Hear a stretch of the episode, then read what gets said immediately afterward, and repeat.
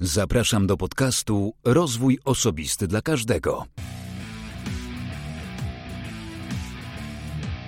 Ja nazywam się Wojciech Struzik, a wysłuchacie właśnie 38 odcinka podcastu Rozwój Osobisty dla Każdego. który nagrywam dla wszystkich zainteresowanych świadomym i efektywnym rozwojem osobistym.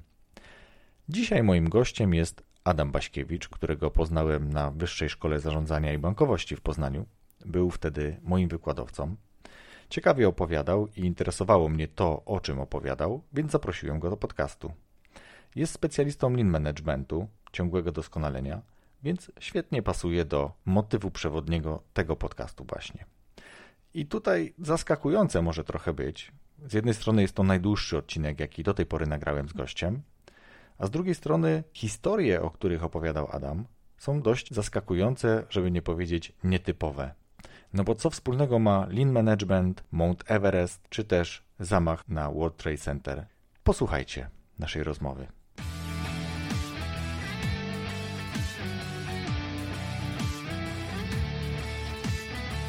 Cześć Adamie, dziękuję za przyjęcie zaproszenia do podcastu.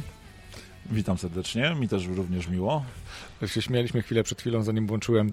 Chwilę przed chwilą, już fajnie powiedziałem. Zanim włączyłem rejestrator, powiedziałem, że Adam ma fajny głos. Naprawdę taki radiowy głos, głęboki. A gdzieś już to słyszałem, ale to chyba nie od ciebie właśnie. No, tak. No to teraz ode mnie. Dobra. Dobra, Adamie, jakbyś przedstawił nam się, y, czym się zajmujesz, do tego dodał, to będzie super. Okej, y, witam was serdecznie, Adam Baszkiewicz. Y, No, czym ja się zajmuję? Zajmuję się dzisiaj ogólnie rozumianym konsultingiem, czyli doradztwem, czyli sprzedaję tą swoją wiedzę, kiedy przez wiele lat się gdzieś czegoś nauczyłem innym.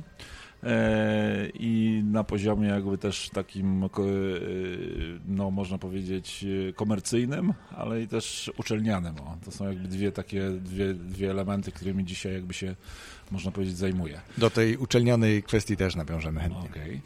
E, Jeżeli chodzi o, o doradztwo, to głównie jakby tutaj obszary dotyczące jakby ciągłego doskonalenia, bo to jest jakby element, który mnie od wielu lat gdzieś tam fascynuje i, i z tym bardzo mocno jestem związany, więc, więc to w tym kierunku gdzieś tam się rozwijam, ale ogólnie rozumiane jakby produkcja, zarządzanie, e, strategie, to są takie elementy, które mnie interesują, z którymi miałem do czynienia, bo zawsze mówię, że e, uczę tego, e, czego sam doświadczyłem. Mhm. No bo nie sztuką jest mówić i uczyć ludzi tego, czego mogą przeczytać w książce, Mhm. więc to zawsze wykorzystuję jakby swoją wiedzę praktyczną, prawie 30-letnią w biznesie. Świetnie. Powiedziałeś o takim ciągłym doskonaleniu, co mi bardzo odpowiada w podcaście rozwoju osobistego. Ciągłe doskonalenie, rozwój osobisty to tak się m, przenika, chociaż ty y, konsultujesz pewnie głównie w zakresie B2B, natomiast żeby móc konsultować, no to generalnie najpierw musiałeś sam się rozwinąć. O tym później też będziemy rozmawiać. No teraz pytanie z natury tych, którzy goście uważają, że jest y, z typu trudniejszych. Jaka jest twoja pasja? A to nie jest zbyt trudne, bo ja nie ukrywam, że jestem człowiekiem sportu. I Aha. powiem szczerze, że y, nawet gdzieś tam był taki moment, że wybierałem między jakby karierą sportową, a karierą, można powiedzieć, gdzieś tam biznesową. Więc moją pasją jest piłka ręczna. Ja nie Mhm. ukrywam, że y, no, powiązany jestem troszeczkę dziedzicznie, bo mój tata również grał w piłkę ręczną, więc gdzieś tam te geny gdzieś tam e, są, ale nie ukrywam, że moja mama była kajakarką, więc na początku próbowałem w ogóle sportów wodnych e, i może nie kajaki, ale wyszlarstwo mi mama wysłała jeszcze w podstawówce. No ale ze względu, że no, ja jestem raczej takim e, graczem zespołowym, więc trochę takie pływanie w dwóch, trzech tyłem do siebie mi nie pasowało, więc, więc tam wytrzymałem chyba rok. E, I e, stwierdziłem, że to nie dla mnie, no to ojciec mówi, dobrze, sprawdziłeś sport, który uprawiała mama, teraz sprawdzimy, jak się będziesz czuł w sporcie, który uprawiał tata. No i tak gdzieś mi zostało, gdzieś tam i, i piłką ręczną się do dzisiaj interesuję. Jestem też jakoś tam związany z moim starym klubem, czyli Grunwaldem Poznań. Też jak mogę, to pomagam chłopakom. Interesuję się tym na bieżąco, co się dzieje, więc, więc to jest taka moja cały czas pasja. Ogólnie rozumiane sporty zespołowe. Ja nie ukrywam, że nie lubię biegać, bo to samemu, samemu to się jest nudno. Więc, Ale z piłką więc, łatwiej. Ale z piłką, jak ktoś jeszcze, czy w kosza, czy w siatkówkę, czy w ręczną, czy w nożną, to jak najbardziej takie sporty, to, to chociaż coraz mniej czasu na to i, i też chętnie by jeszcze się coś tam pograło, ale to też sporty zespołowe, to, to czym człowiek starszy, to trudniej zebrać zespół. O, tak, to jest niestety. Coś w tym jest. Tak. Albo zespół jest taki, za którym ciężko zagoni, nagonić być może. Też czasami. Ale właśnie sobie przypomniałem, jak powiedziałeś o piłce ręcznej, że ja chodziłem do szkoły podstawowej, która była szkołą sportową piłki ręcznej, ale to hen hen od Poznania, tak bym powiedział, głęboko na południu w Sosnowcu. No ale generalnie sam nie grałem. Bliżej mi było do siatkówki, o, już powiedzmy tak, z aspiracjami nawet AWS, e, AWF-u, ale tam się wiele rzeczy no, po drodze wydarzyło. Ale ja podobne, jakby też miałem e, po skończeniu szkoły średniej właśnie taki ewenement, czy, to znaczy taki jakby taki, taki dylemat jakby, że, że gdzie, w którym kierunku iść, czy dalej kontynuować swoją karierę sportową, e, czy iść w kierunku gdzieś tam właśnie technicznym Politechniki Poznańskiej. No i tak się wydarzyło, że gdzieś niestety, no niestety czy niestety, może nie, ja mówię zawsze, że stety, bo może dzisiaj bym był nauczycielem jakby WF-u i uczyłbym WF-u, a, nie, nie, a nie byłbym osobą, która e, sprzedaje jakieś tam informacje biznesowe i tak dalej, więc może to też inaczej by wyglądało. Mm. E, no i też myślę, że, że, że to, to dobry jakby wybór. Jakby co? podwaliny sportowe na pewno były przydatne później jakby w dalszej karierze i rozwoju przede wszystkim. Ja, ja myślę, że ten sport to tutaj jest ważący i chętnie do niego nawiążę, ale teraz chciałbym zapytać Ciebie, e, co przeważyło? Co przeważyło? Znaczy ja próbowałem na początku jakby pogodzić te dwie rzeczy, Aha. ale niestety nie dało rady. No, znaczy studia techniczne na Politechnice Poznańskiej ja nie ukrywam, to też jeszcze było też trudne, bo grałem w Grunwaldzie Poznań i jeszcze to były takie czasy, kiedy też sport uczelniany w ogóle był bardzo popularny, więc jeszcze grałem w zespole i byłem kapitanem Politechniki Poznańskiej i grałem też w rozgrywkach y, takich międzyuczelnianych na poziomie tutaj Wielkopolski i kraju. Mhm. Y, nie ukrywam, że były takie dni, że miałem dwa treningi, że miałem w Grunwaldzie i jeszcze później wieczorem jeszcze na Politechnice, no ale wiemy studia techniczne i tak dalej, więc tutaj no, to trzeba było wybrać, tak? Czy, czy, czy damy radę dalej kontynuować studia, czy, czy pójdziemy w kierunku gdzieś tej kariery sportowej. No i tak wyszło, że, że no, jednak ta Politechnika Poznańska została. Mm. Ale z piłką zaszliście całkiem wysoko. No tak, no różne rzeczy się w tym czasie działy. No, wicemistrz? Tam, tak, wicemistrzostwo Polski gdzieś tam e, było gdzieś tam, no ja byłem wtedy młodym człowiekiem, dopiero wchodzącym gdzieś tam do zespołu seniorskiego i tak dalej, więc tych tej gry nie było zbyt wiele, ale to były takie bardzo fajne, jakby fajny okres, gdzie, gdzie były jakby te sukcesy jakieś i, i, i, i fajny zespół był. I, I, wtedy jeszcze piłka ręczna no, była na wysokim poziomie Poznaniu i dzisiaj no niestety jest to, jest to teraz no, tylko pierwsza liga, nie ekstraklasa. Nie jestem wielkim specjalistą, trudno mi się wypowiadać, ale słyszałem od tych, którzy są e, takimi fanami, że piłka nożna też już nie jest na wysokim Poznanie, na po, poziomie w Poznaniu. No tak, nie wiem, może tak, komuś ja podpadnę. Powiem szczerze, ja, ja powiem szczerze, no ja też może komuś podpadnę, bo też jako piłkarz ręczny i gier zespołowych ja, ja nie ukrywam, że za piłką nożną zbytnio nie przepadam, więc mm. też to, to jest też tak, że, że jakoś tak nigdy, nigdy. Ja powiem szczerze, jestem poznaniakiem, a pierwszy raz na meczu Lecha Poznań byłem chyba dwa lata temu, więc no, no też to... jestem takim dziwnym i to byłem chyba dwa razy tylko, można powiedzieć, okay. w swoim życiu, więc, więc to też niby jestem zainteresowany sportem, ale może nie, e, nie w wydaniu jakby tutaj e, klubów e, z Polski. No, Dobra, ale nie powiedziałeś mi, co przeważyło, że jednak jakby odpuściłeś te treningi, odpuściłeś grę w piłkę ręczną i zostałeś na tej uczelni. Ja powiem i jeszcze jedna rzecz, bo no tutaj ja też nie ukrywam, że moje jakby wykształcenie jakby jest kontynuacją, bo ja też kończyłem e, szkołę średnią techniczną, więc też jakby te uwarunkowania techniczne i te rzeczy, zamiłowanie do techniki, do majsterkowania i tak dalej zawsze też gdzieś tam tkwiły i takimi rzeczami gdzieś tam się zajmowałem. Więc tutaj e, ta technika zawsze gdzieś mnie też gdzieś ciągnęła gdzieś tam, więc to, to, to był taki wybór z jednej strony e, no, braku jakby możliwości i czasu, żeby pogodzić dwie rzeczy, czyli jakby ten sport i naukę na Politechnice Poznańskiej, ale też gdzieś tam zainteresowania te techniczne, które gdzieś tam wcześniej były, też, też mnie to interesowało, więc to taki wybór był czy ja wiem, czy do końca jakby przemyślany? No tak wyszło, o ja zawsze mówię. Ja nie ukrywam, że też moją dewizą jakby życiową jest, nie jest planowanie jakieś długoterminowe. Ja nigdy sobie nie zakładam jakichś długoterminowych wyzwań i, i, i, do nich jakby tam za wszelką cenę dążę. Ja nie ukrywam, że jakby zbieg pewnych jakby faktów i okoliczności powoduje, że trzeba za tym iść gdzieś tam się rozwijać. No to, to był też jakiś element gdzieś tam może rozwoju i jakby zauważenia gdzieś tam światełka w tunelu, że może w sporcie może już nie, ale gdzieś w innym kierunku może będziemy szli i może to będzie fajne, fajną przygodą. Rozwój osobisty dla każdego. No tak.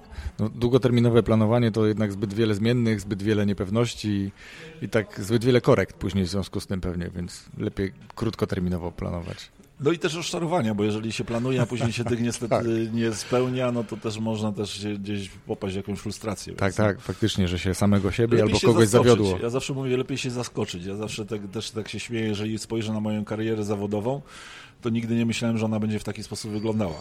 I do dzisiaj jakby się dziwię, jak to się stało, że, Że jesteś tu, tak gdzie było, a jesteś. gdzie jestem. No właśnie.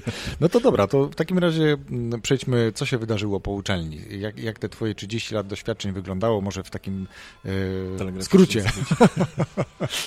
E, No, ja nie ukrywam, że moją jakby karierę zawodową zacząłem jeszcze w, w czasie jakby studiów, czyli pod koniec studiów e, no, no, trzeba było jakoś gdzieś już zahaczyć i zacząć jakąś konkretną jakąś pracę. Ja nie ukrywam, że trochę z biznesem już wcześniej miałem do czynienia, bo też będąc jeszcze w czasie studiów, no, byłem jednym z takich e, pierwszych e, prekursorów e, na giełdzie owocowo-warzywnej. I nie ukrywam, że moja styczność z biznesem jakimś takim własnym była handel owocami i warzywami, warzywami na giełdzie ogrodniczej.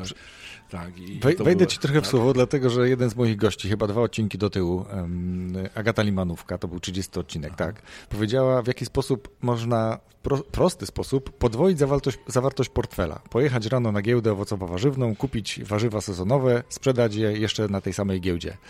Co ty o tym sądzisz? Ja jak, sądzę, jak wyglądały ja twoje ukrywam, początki? Że, że to, to, to było też takie ciekawe jakby doświadczenie, bo to też ten biznes prowadziliśmy z moim kolegą, który też również studiował na Politechnice Poznańskiej, ale nie na tym wydziale, który ja, ale my znaliśmy się z, jakby ze szkoły średniej. No dzień wyglądał bardzo fajnie, bo my wstawaliśmy gdzieś około drugiej w nocy. Właśnie jechaliśmy na giełdę. Y, I, i, właśnie może w podobny jakby sposób. Też to właśnie w taki sposób wyglądało, że jakby od większych hurtowników y, kupowaliśmy jakby, nawet dzierżawiliśmy, no, braliśmy jakby w komis. komis, o Mhm, tak, bo nie, nie mieliśmy jakichś wielkich pieniędzy.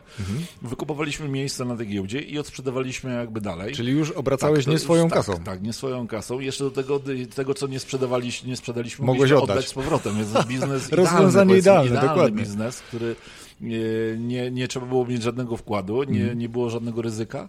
I jeszcze było tyle fajnie, że te ceny, które my otrzymywaliśmy, były niższe od tych, które ci duży hurtow- hurtownicy sprzedawali. I my sprzedawaliśmy po takich samych cenach jak oni. Mhm. Czyli jakby tutaj zwiększany jakby był obrót jakby ich, e, a zyski były na tym samym jakby poziomie i te ceny, że tutaj nie musieliśmy z nikim jakby konkurować. Tak? Super. Świetnie. Słychać tutaj telefon. e, Mamy, spotkaliśmy się z Adamem e, w lokalnej tutaj pizzerii, restauracji i takie odgłosy czasami może być słychać, ale generalnie myślę, że to nie jest jakieś bardzo głośne. Nie. Super, no to mamy giełdę owocowo-warzywną. E, Bardzo fajna, e, bardzo fajny początek, bo obracałeś nie swoimi pieniędzmi, czyli myślę, że bardzo bezpiecznie.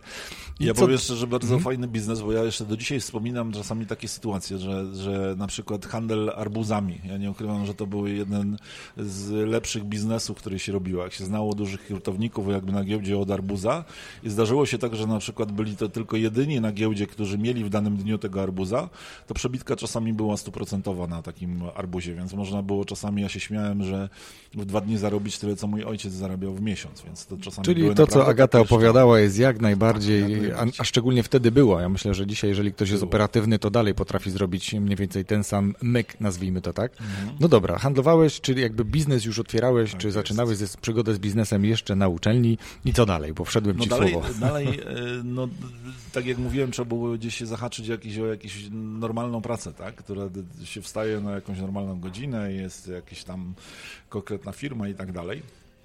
I nie ukrywam, że też w związku z tym, że e, trochę moje jakby tradycje rodzinne znowu zaważyły, bo moja, moja ciocia e, pracowała w planie Lechi. Tak, Mhm. Czyli to też była duża Duży firma, zakład, duży, duży zakład, zakład, jeszcze tak. wtedy duży zakład jakby w Poznaniu, który miał kilka oddziałów, bo, bo Starłęka, Chlebowa, Gnieźnieńska, Łukaszewicza, Głogowska, bo to takie były jakby lokalizacje tej firmy w Poznaniu. mhm.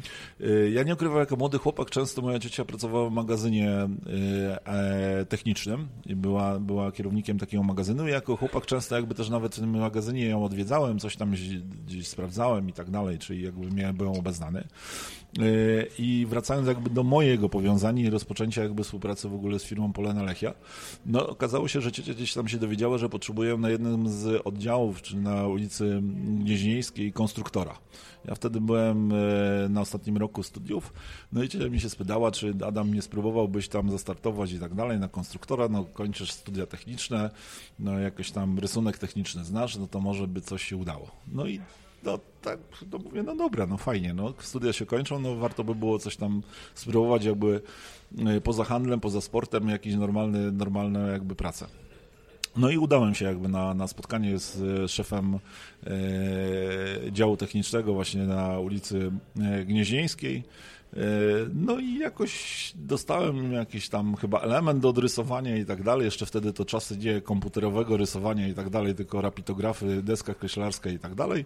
No i jakiś tam element udało mi się zrysować i tak dalej. No i, i, i można powiedzieć, że, mo, że dostałem tam pracę i zacząłem pracować jako konstruktor w Polenie Lechi. To jakby mhm. była pierwsza moja taka gdzieś tam praca związana stricte jakby z moim wykształceniem i z tym, e, co, co, co, co chciałem gdzieś tam może robić. Mhm. No i to były jakby początki. No, bo, bo nie ukrywam, że Polena Lechia jakby i wszystkie jakby elementy, które z nią są związane, no to jest, można powiedzieć, przeszło pół, połowy jakby mojej kariery jakby biznesowej. Mm. Tutaj powiedzmy sobie szczerze, w Polena Lechia też przechodziła pewną restrukturyzację. Tak? Ja zaczynałem jeszcze w państwowej firmie, ale udało mi się jakby też w tej firmie pracować w momencie, kiedy e, ta firma ulegała prywatyzacji. Tak? Mm. Znamy jakby tutaj te, te czasy, kiedy były firmy jakby państwowe prywatyzowane i również ja w tym czasie jakby byłem w y, Polenie i, i te czasy jakby pamiętam, kiedy firma została wykupiona przez Beisdorfa. Mhm. Tutaj też jest bardzo ciekawa historia, bo wszyscy jakby mówią, że Niwa jako kosmetyk jest y, produktem polskim i była zawsze kojarzona z Polanolechią i z Poznaniem i tak dalej. No tu się okazuje sytuacja zupełnie odwrotna, bo e, właśnie Beisdorf jest jakby właścicielem jakby tej marki i zawsze był. To, mhm. to, to Polena Lechia dostała w ramach repasaży powojennych e, e, jako ten znak Niwa, jako jakieś tam prawa, e, prawa mhm. na ten rynek wtedy wschodni. To też jeszcze było bardzo ciekawa historia, no bo jeżeli tutaj się jakby nasza sytuacja polityczna zmieniła, no to ten znak, ogólnie rzecz biorąc, Polena Lechia, no przedtem, jeżeli był ten blok wschodni, to mogło jakby te kremy odsprzedawać do Rosji, czy do Bułgarii, do wszystkich krajów, które były tutaj związane jakby z blokiem wschodnim. W momencie jakby tutaj zmian politycznych, no nastąpiło coś takiego, że no, można było tylko ten krem sprzedawać w Polsce jeżeli chciało jakby ten krem się sprzedawać gdzieś dalej, to trzeba było Bajzdorfowi płacić. Tak, Jeszcze mhm. też sytuacja była w drugą stronę. Bajzdor jak chciał kosmetyki oryginalne Niwa sprzedawać w Polsce, musiał płacić polenie lechi. Okay. Więc taka trochę sytuacja dziwna, więc mm. to jakby to się ustabilizowało, no i też bardzo ciekawy taki moment właśnie w karierze, zmiana jakby podejścia tego państwowego, państwowej firmy Inny model zarządzania i zupełnie no ja pewnie szczerze, inny... Tak, ja jeszcze w tych czasach pamiętam, kiedy w państwowych firmach wyprawiało się imieniny, tak, huczne tak, dni tak. kobiet i tak dalej, więc te imprezy... Zawsze było Krystyny, były, tak, Janusza, tak, Jana. Tak, ja pamiętam jeszcze, jako młody chłopak mnie to okay. zawsze dziwiło i tak dalej. I to się skończyło. Skończyło się, jak się tylko pewnie Bejzdorf przyszedł. Tak, jak, to, może już trochę wcześniej, bo okay. to, już, to już też czasy już się zmieniały gdzieś tam i, i, i, i też... Te zwyczaje w ogóle chyba, zwyczaje i tak no. dalej. No ja nie, nie, też nie zapomnę, jak przyjmowałem się do pracy, no to odjechałem chyba z trzema blakami placków, żeby się wkupić wśród współpracowników i tak dalej. To są takie historie. Dzisiaj wystarczy dobrze się ubrać. Dobra, dzisiaj to wystarczy w ogóle przyjść do pracy. Tak. A kiedyś no to takie były rytuały, okay. że trzeba było też Dobra. się w jakiś tam sposób wkupić. Nie? Czyli to twoja połowa twojego doświadczenia biznesowego, Polana. Tak, tak, ale to ja powiem szczerze, żeby się może nie nudzić, ja zawsze mówię, no bo też ja lubię zmiany i też jakby też się rozwijać, więc mm. te, no tutaj ja tak mniej więcej sobie kiedyś podliczałem to mniej więcej co dwa lata zmieniałem stanowiska w tej okay. firmie. Więc, e, Książkowo. Tak, tak, mm. tak jakoś tak wyszło, ale to też nie zakładałem sobie nigdy, że po dwóch latach mm. będę gdzieś tam zabiegał, tylko jakby tak ta kariera się gdzieś tam układała. Mm. Od tego konstruktora, później zajmowałem się dozorem technicznym, mm. później planowaniem remontów w działach technicznych. No tych stanowisk było mnóstwo różnych, różnistych gdzieś tam, nie?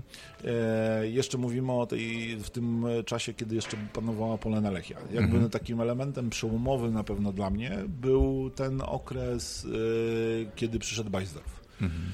bo tutaj jakby wiele rzeczy też się zmieniło. Znaczy zupełnie inne jakby podejście do biznesu i też do, do tego, w jaki sposób ta firma ma funkcjonować. No bo powiedzmy sobie szczerze, dużo jakby było e, możliwości do tego, żeby była bardziej efektywna ta firma, tak? Mhm. Więc tutaj z tego powodu też e, dużo się zmieniało i też e, no, zaczęto jakby wprowadzać te nowe metody jakby zarządzania. Dla nas, bardziej, dla nas nowe. Dla nas nowe, mhm. dla, dla, dla firm gdzieś tam z tego bloku, zachodnich, z tego bloku tak. może nie do końca. Tak? Jasne. Ale też mówimy o nowych technologiach i tak dalej, to mhm. zupełnie jakby inne jakby historie, więc tutaj też, też wiele się jakby działo. I co było dalej? Y, no ja, ja bardzo fajnie wspominam właśnie ten okres, jakby jak Majzer jakby przejął e, Polanę Lechię i wtedy zaczęły się bardzo duże projekty. E, czyli budowanie nowej fabryki, E, która teraz jest na ulicy Gdziezińskiej. Mhm. E, też zmiana troszeczkę profilu jakby produkcji, bo też jak wiemy Polena Lechia była jakby, produkowała można powiedzieć wszystko. Tak? Ja, ja byłem i, i, mhm. i widziałem e, produkcję jakby proszku, widziałem produkcję mydeł, perfumów, lakierów do włosów i tak dalej, więc mhm. tych, tych elementów jakby kosmetycznych i wyrobów było mnóstwo. E, tutaj jakby specjalizacja, tak? Jakby jak przyszedł Bajzdor, to specjalizacja i specjalizowanie się jakby w produkcji balsamów i kremów. Bo to była. I automatyzacja, bo to jest następny jakby element, który niezmiernie był ważny, tak?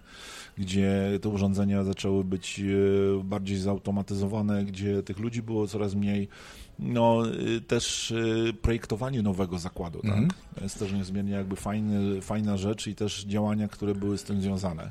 Ja nie ukrywam, w tym czasie byłem też w dziale inwestycji, czyli też byłem odpowiedzialny za zamawianie niektórych urządzeń, za całe projekty związane z modernizacją jakby zakładu, z budową jego. Tutaj też jakby przydały się jakby elementy związane z tą, z tym moim konstruktorskimi jakby doświadczeniami. Ja nie ukrywam, że też nie zatrzymałem się na desce kreślarskiej, bo też mnie jakby technologia i nowe techniki interesowały, więc mhm. ja byłem też, e, można powiedzieć, w pewnym okresie czasu, jeżeli chodzi o Boisdorfa, jedynym człowiekiem, który znał AutoCADa. Bo ja nie ukrywam, byłem człowiekiem, który sam się tego nauczył czyli e, gdzieś tam jakieś e, elementy gdzieś tam przyuważyłem, gdzieś tam troszeczkę na uczelni, gdzieś ten AutoCAD był gdzieś tam, ale ogólnie byłem samoukiem i namówiłem gdzieś tam mojego szefa, pamiętam, żeby zakupił w ogóle takie oprogramowanie, mm -hmm. to pamiętam pamiętam w tamtych czasach to, to ogromne pieniądze były.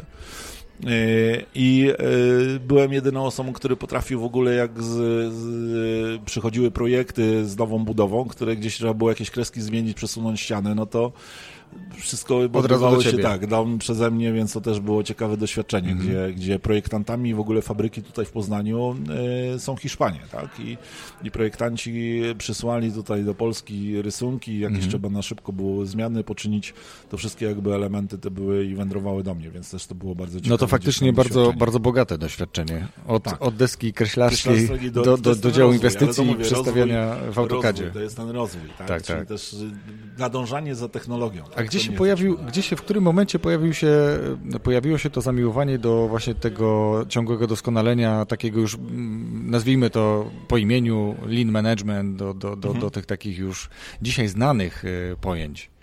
No, to jest też znowu ciekawa historia. Ja nie ukrywam, że, że ja, ja, y, też moja kariera jest związana z moim prezesem, który, y, który przyszedł z Pepsi, mhm. który był jakby człowiekiem z Pepsi i przyszedł tutaj do Beisdorfa jako y, szef można powiedzieć już później jakby osobnej spółki, bo jakby Meisdorf e, dzisiaj jakby w Polsce to są dwie spółki. Mhm. Jedna spółka to jest Niva, która zajmuje się jakby sprzedażą, marketingiem i tak dalej, mhm. a druga Meisdorf Manufacturing Poznań, czyli ta część do produkcji. No i tutaj bardzo ciekawa jakby historia i, i, różne rzeczy nam do głowy przychodziły, ja nie ukrywam, z naszym prezesem. E, I pierwszym naszym takim e, projektem, może nie do końca biznesowym, ale który jakby miał zmienić świadomość jakby ludzi u nas na produkcji, był taki pomysł, tak, mhm. pracowników, był taki pomysł, który, na który wpadliśmy będąc w Karpaczu i wchodząc na Śnieżkę. O. E, tak, było takie, mieliśmy gdzieś tam w plenerze spotkanie e, menadżerów i, i, i ludzi tam średniego szczebla zarządzającego właśnie z prezesem i jedną z atrakcji było wchodzenie na, na śnieżkę. O tak. No i Przyjemne mieliśmy kilku, mieliśmy kilku już takich no, starszych menadżerów, którzy no wchodzą na tą ścieżkę, gdzieś tam mówili, no śnieżka ścieżką, wejdziemy, ale kurczę, gdybyśmy mieli tą ekipą wchodzić na jakieś wyższe szczyty, to nie dalibyśmy rady. Mhm. No, Wiesław był bardzo przekorny, tak na mnie spojrzał, mówi, zrobimy to. Udowodnimy tym pracownikom niektórym, którzy niedowiarką, że można rzeczy robić, o których nam dzisiaj się wydaje, że są niemożliwe. Mhm. No i e, schodząc już na dół, rozmawialiśmy na temat tego, że trzeba zorganizować wyprawę na Mont Blanc. O kurczę. Tak. To I faktycznie. To, słuchaj, to, to było jakby też, zaraz dojdziemy do tego, co ma to wspólnego w ogóle jakby z linem i ciągłym doskonaleniem. Mhm. E, głównym jakby przesłaniem jakby tej historii było to jakby przekonanie jakby tych ludzi, że, że są rzeczy, e, które wydają nam się niemożliwe, a możemy je zrealizować. Mhm. Tu jeszcze była jedna historia związana też z tym, e, że była podjęta decyzja przez e, naszego prezesa, żeby zmienić w ogóle e, no, strukturę jakby produkcji w Poznaniu. Przed tą zmianą tutaj w Poznaniu produkowane były standardowe kremy, czyli Soft, Nivea, czyli te najzwyklejsze kremiki. Mhm. No i te kremy, no, była linia produkcyjna, włączyło się, ja zawsze się śmieję, w poniedziałek, w piątek się wyłączyło, efektywność na poziomie 98%, więc no, żyć i umierać, mm. tak? Nic się ciekawego nie działo. Żaden lin nie jest potrzebny. Tak. Ale nagle tutaj się dzieją różne rzeczy i, i jest jakby decyzja, która znów jest związana z historią. E, dlaczego w ogóle zmiana tutaj w Poznaniu tej strategii produkcji i tak dalej? No tutaj znowu połączenie się z historią z zamachów, które były na World Trade Center. Okay. E, jeszcze do momentu, jakby przy, no, jeszcze po zamachach, jakby właścicielem większościowym akcji Bejesdorfa była firma Allianz, czyli firma ubezpieczeniowa. Ubezpieczyciel, tak.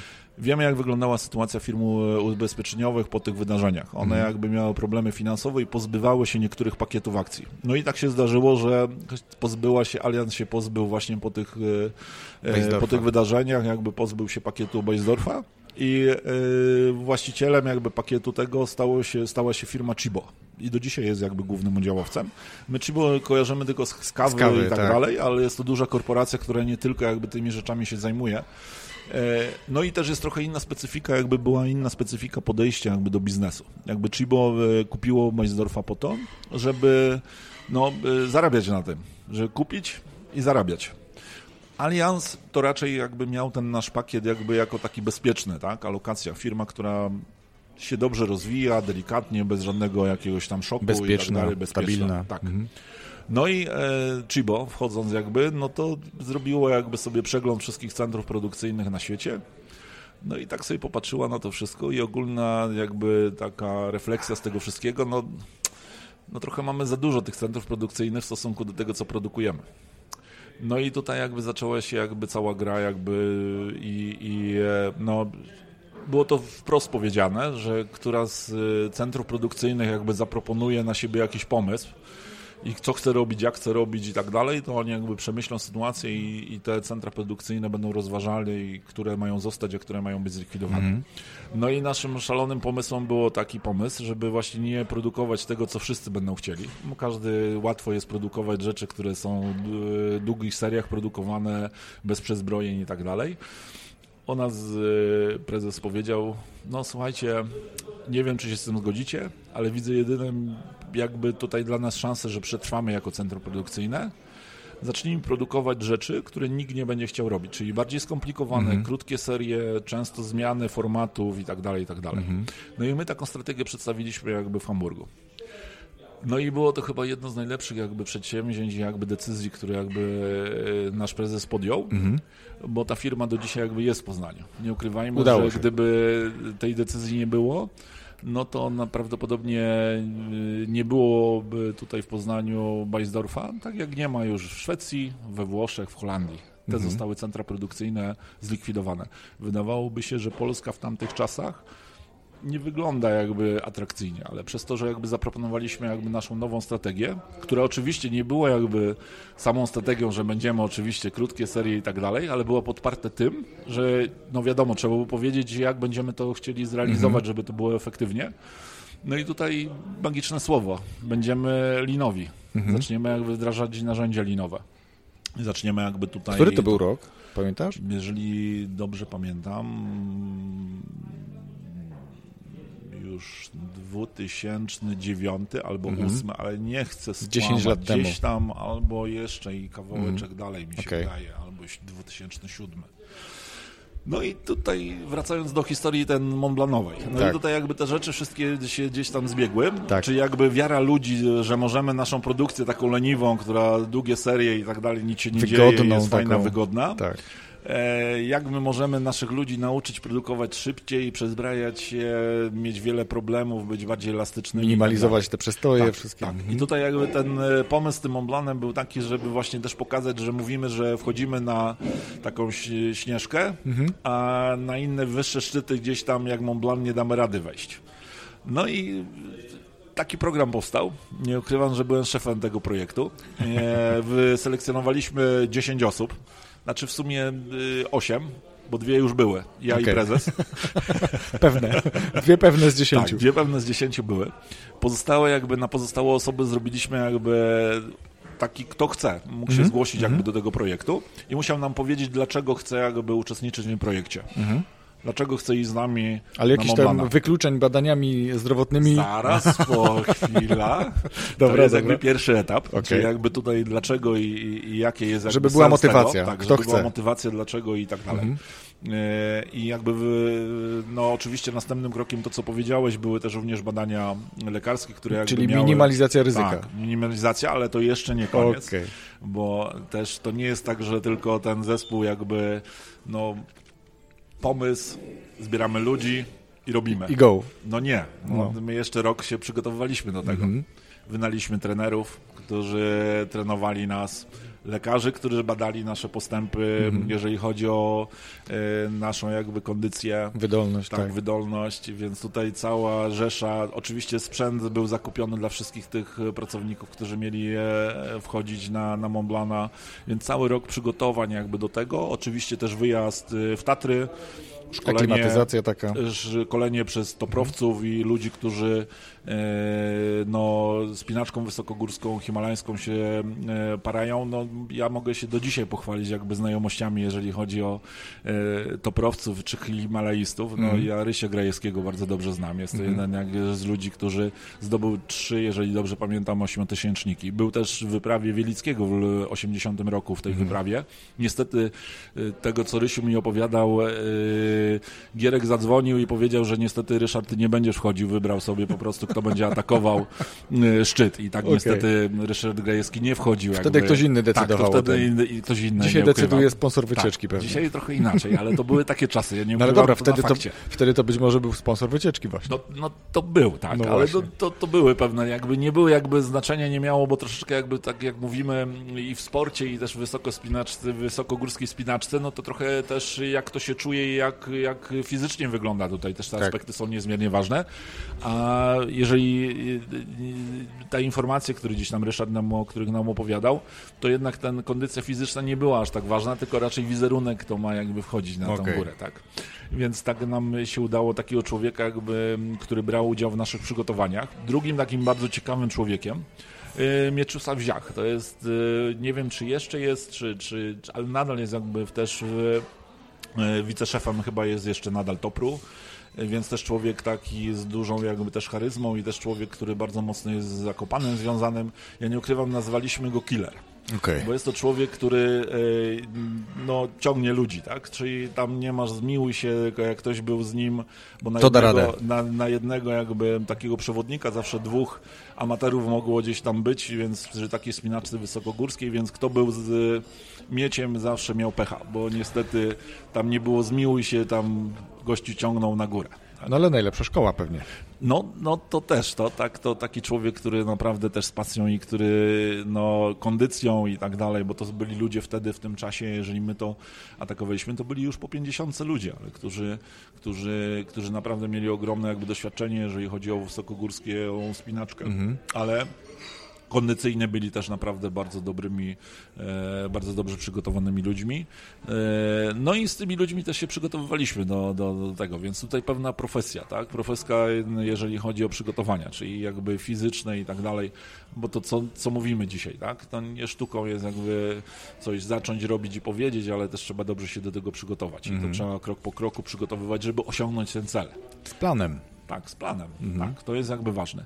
No i powiem szczerze, jedynym jakby takim rysą na tym, na tym naszej wyprawie, która gdzieś tam miała miejsce, gdzie pojechaliśmy do Włoch, mieliśmy Mhm. aklimatyzację, e, gdzieś tam chodziliśmy po tych górach, mieliśmy tam chyba przeszło tydzień i, i, i rozpoczął się ten atak szczytowy. Mieliśmy na tyle jakby problem, Mhm. że y, pogoda była wyśmienita. Znaczy to, to słońce, wszystko pięknie, ładnie i wydawałoby się, że szczyt jest na wyciągnięcie ręki. Nie ukrywam, byliśmy w ostatnim jakby e, schronisku, taka puszka jest przed samym jakby szczytem i tam jest do pokonania naprawdę już niewiele, chyba z 200 metrów, gdzieś tam e, takich grani i już się jest na szczycie. Nic wielkiego, wydawałoby się, że no zaraz będziemy. Tylko jedynym problemem był, że był bardzo silny wiatr. E, Wtedy pamiętam, Ryszard Grajewski mówił sobie z naszej grupy, wybrał sobie ludzi, którzy wyglądają jakby najlepiej, ale nie wizerunkowo, tylko fizycznie. właśnie. I, e, I stwierdził, że spróbują, ale tylko z dwoma ludźmi spróbują jakby zdobyć z tej dziesiątki, którą byliśmy już tam, bardzo blisko, spróbują zdobyć. Niestety doszli do grani i Ryszard też odpowiedzialny jakby przewodnik. Yy, no wiatr był na tyle silny, że nie chciał ryzykować, żeby cokolwiek komuś się stało. Zrzuciło I nie kogoś. ukrywam, że gdzieś tam nam 100 metrów zabrakło do szczytu. Ale Okej, to Czyli też byłeś jakby jedną, było. jedną z tych osób Też, byłeś. nie, nie byłem. Okej. Nie, nie, nie, nie byłem właśnie, nie byłem. Byli, byli lepiej przygotowani jakby Okej. fizycznie chłopacy. E, I niestety jakby jedynym jakby taką było małym niedosytem, że, że do tego szczytu gdzieś tam na górę nie weszliśmy. Ale, Ale i tak, i tak jakby tak, wszyscy wrócili jakby i też jakby sama przygoda i to, co jakby się wydarzyło wokół tego było też no naprawdę bardzo fajną rzeczą i, i, i też było sukcesem. Ja nie ukrywam, to nie odebraliśmy tego jako porażki, tak? Tylko to, to, to był też sukces gdzieś na tym poziomie, nie? Rozwój osobisty dla każdego. Uśmiecham się sam do siebie trochę, bo powiem ci, że ciągnąłbym dalej temat tych gór, bo rozmawiamy tak, jakbyś był himalaistą i to się, wiesz, tak słucha z takim dużym zainteresowaniem, ale jakbyśmy do tego linu teraz Do liny tak wrócili. Dobrze. przeskoczyć. Ja nie ukrywam, że liny bardzo jest mocne jakby też Bo, ale wiesz, bo tutaj tymi- te, te tak, góry właśnie to, tak, jest, to jest, wiesz, to jest, to, wiem, że to moc, bardzo mocno koreluje, tylko żebyśmy teraz zaczęli mówić właśnie w jakim zakresie. Dobra, to teraz jakby wracamy do tego jakby z- już z tych gór i wracamy do tego naszego zakładu, który gdzieś tam był. No. E, I co było trzeba zrobić, tak? Żeby, no fajnie, wzięliśmy sobie produkcję na głowę, ale no trzeba zarabiać, tak? Bo zacząć, za chwilę dwa lata poistniejemy tutaj i też zaraz y, szefowie z Hamburga powiedzą, no fajnie było, ale sorry i was za chwilę też nie ma, tak? Więc tutaj jakby też znowu specyficzna jakby historia, jeżeli chodzi o Lina. E, Jeżeli chodzi o firmę Bajzdorf, Bajzdorf nie miał żadnego doświadczenia, jeżeli chodzi o takie metodologie. Bo tak jak mówiłem wcześniej, to była firma, Prosta produkcja. była tak, prosta produkcja, chociaż niektóre zakłady miały bardziej skomplikowaną tą produkcję też, ale ona jakby nie podążała tą drogą, nie było potrzeby, o ja powiem może, że nie, nie chciała, tylko w takich jakby warunkach jakby nie było potrzeby, żeby jeszcze wyciskać więcej jakby yy, no, z, tej, z, tej, z tego biznesu. Tak? Te, te, ten dochód, który był generowany przez Beisdorfa za, za czasów Aliansa był wystarczający i tutaj jakby nie trzeba było. Tutaj Chibo typowo nastawienie jakby na to, żeby zarabiać pieniądze. Więc tutaj nie było tego doświadczenia. My jakby podjęliśmy to wyzwanie bez doświadczenia gdzieś tam z góry, czyli byliśmy prekursorami, można powiedzieć, to jest też następna bardzo ciekawa historia. Jeszcze było śmieszniej, no tak trochę też e, nie chcieliśmy od razu, żeby jakichś konsultantów, żeby jakieś firmy, które nam to przygotują, gdzieś tam też to, to jak z tymi górami, że gdzieś tam jakichś przewodników potrzebujemy, ale wszystko zależy od nas, żeby jakby to wszystko ruszyło i stwierdziliśmy, że będziemy inaczej jakby do tego podchodzić, czyli będziemy wykorzystywali doświadczenie pracowników, których w tym czasie potrzebowaliśmy więcej, czyli z okolic Poznania i Poznania zaczęliśmy zatrudniać ludzi. Nie ukrywam, udało nam się wyrwać i z Unilevera ludzi Ach. z Wrigleya, czyli z takich firm, które już miały trochę linu. I nie ukrywam, że to był nasz sposób jakby na... Czyli kupiliście Tak, ludzi z wiedzą. Kupiliśmy ludzi z wiedzą, ale nie ludzi z poziomu menedżerskiego, tylko ludzi z produkcji. Okej. E, Czyli nie specjalistów jakiegoś tam wielkiego szczebla i tak dalej, tylko takich ludzi, którzy gdzieś tam pracowali na produkcji, mieli Mhm. styczność z tymi i wiedzieli, czemu to działa, Pracowali albo czemu podstaw, nie działa. tak. Bo nam na tym zależało, żeby Mhm. ten system jakby stworzyć, żeby on działał i żeby jakby był takim systemem, który mm, e, no już ktoś inny się nauczył na błędach, a my tylko weźmiemy to, co jest z tego I najlepsze. będziecie adoptować. Tak. Mhm. I to był jakby jeden pomysł. Drugim pomysłem było też, żebyśmy zbierali jakby doświadczenie poprzez wizyty w firmach, które mają wdrożone jakby narzędzie linowe. Z było- grupy Chibo. Niekoniecznie. Niekoniecznie. Byliśmy, ja nie ukrywam, że w tych czasach to odwiedzaliśmy tu wszystkie firmy w okolicy większe, które gdzieś słyszeliśmy, że jakieś tam narzędzia linowe mają. Mhm. Nie ukrywam, że wtedy było może i nawet łatwiej się do takich firm gdzieś No tam... właśnie, to mnie tak ciekawi, Tak, że tak. dostać się do Teraz takiej teraz firmy dzisiaj gorzej, tak, naprawdę. Jest dzisiaj gorzej, bo tutaj jest też... te Nawet jak się ma już jakieś ochrona dojścia, to jest tak No dalej. właśnie. Nie, Mhm. to ja powiem Ci, że, że te kilkanaście lat temu było wiele łatwiej. Jakby Mhm. my y, tu w większości firm w okolicy byliśmy tych dużych korporacji i ci ludzie nas przyjmowali i, i lunchem, Jeszcze się pewnie i- cieszyli tym, tak, że ktoś chce oglądać. I pokazywali nam Mhm. wszystko i tak dalej, więc tutaj nie było jakby żadnego wielkiego problemu w tym względzie. Mhm. No i to były dwa źródła, czyli źródło jedno, czyli jakby źródło tych pracowników, którzy pracowali i drugie jakby źródło, że nabywaliśmy tych doświadczeń będąc odwiedzając różne fabryki. Mhm. No i y, na podstawie tych dwóch rzeczy stworzyliśmy program unikalny. Z mojego punktu dzisiaj widzenia, jakby unikalny program e, narzędzi linowych, które chcieliśmy wdrożyć jakby w Bajsdorfie. Mhm. Zaczęliśmy od podstaw, czyli mówimy tu znowu o 5S, mówimy o wizualizacji, mówimy o zbieraniu danych, o efektywności, o współczynniku y, OAI. To były naprawdę podstawy. Co jeszcze było fajnego w tym, że to wyszło? E, bardzo mocne zaangażowanie właśnie tych pracowników gdzieś tam najniższego szczebla. Oni byli częścią tego projektu, byli też i go akceptowali, go te narzędzia jakby formowali i później go fizycznie realizowali. Mhm. Więc ich zaangażowanie było bardzo duże. I to chyba jest jeden z ważniejszych elementów w linie, to zaangażowanie tych pracowników w to, żeby to się później udało. Bo oni czuli się, że to jest nasz system. Nie, że przyszli jacyś tam konsultanci, ludzie z zewnątrz, coś nam kazali robić i, i no i tam nam to nie pasuje. Bo to tak? wtedy nie jest ich. tak, nie jest nasze. Mhm. A to, jeżeli chodzi o ciągłe doskonalenie, to jest też niezmiernie ważny element, żeby, żeby to oni czuli, że, że to jest ich i żeby to przez to było trwałe. Mhm. To jest następny element. No i zaczęliśmy linia po linii, tak? Tych podstawowych jakby elementów. Nie ukrywam też pokazując im, jakie oni mogą mieć korzyści. Bo nie ukrywajmy, że przy tak skomplikowanej produkcji oni pracując jakby wcześniej na liniach takich monoformatowych, gdzie tych zmian było niewiele, no oni też się obawiali czegoś nowego, tak? Więc te narzędzia dawały im też pewien komfort i powodowały, że no było im też trochę lepiej, tak? Mhm. Czuli się bardziej z tym bezpiecznie. To jest następny taki element. Narzędzia muszą dawać też coś pracownikom. Tak. Ja zawsze się śmieję, I to nie chodzi tylko o pieniądze. Nie, nie tylko o pieniądze. No Mhm. właśnie, bo ja też się zawsze śmieję, bo, bo zazwyczaj jak ktoś prowadza dzisiaj lin, to myśli, no a ile tam zarobimy na koniec Tak. miesiąca, tak? Ale to nie jest wszystko. Ja zawsze mówiłem, że takim zyskiem na przykład dla pracownika, oprócz oczywiście premii, może być też, że nie pójdzie na jedną kawę, ja zawsze mówiłem, pójdziesz jeszcze na dwie kawy, Mhm. bo tak będziesz miał spokojną pracę, że sobie wygospodarujesz czas i ja nie będę jako twój przełożony za to miał żadnych pretensji, Tak. tylko sobie wypijesz ze spokojem jeszcze dwie kawy, trzy Mhm. kawy i wszyscy będą zadowoleni. To jest też taki zysk właśnie spokojnej pracy. Bo ja zawsze się śmieję, jeżeli lin wdrażamy i takim zyskiem największym linu jest czas, no to co szef robi zazwyczaj?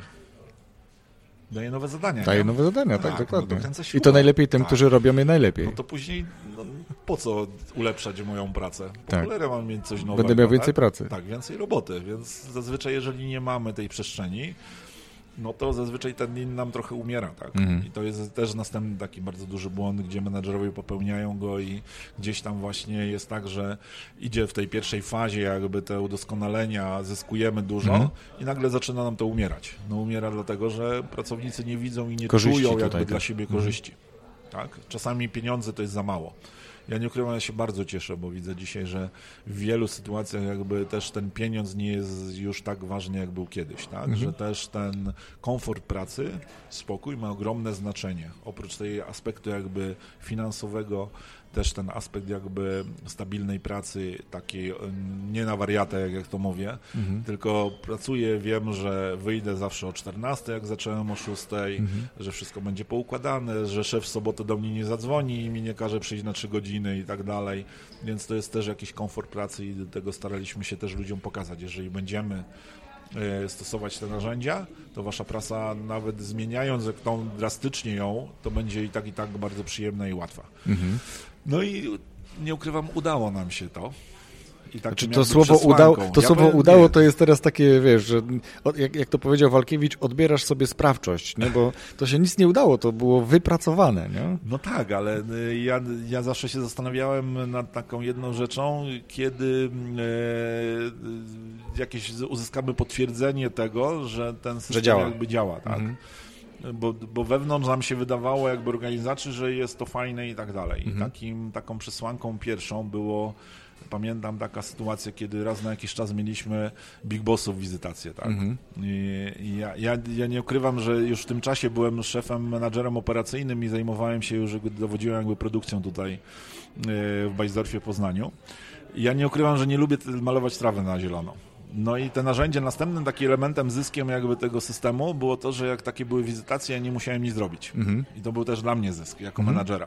No tak, to jest no, najlepsze, co może tak, być. Co może Mamy być, tu tak wiele jest. wspólnego, ja też nie lubię malowania taki... na zielono, bo to I... za dużo czasu, koszty, ja zawsze też mówię, że ja w ogóle ja też jestem leniwym menadżerem, tak?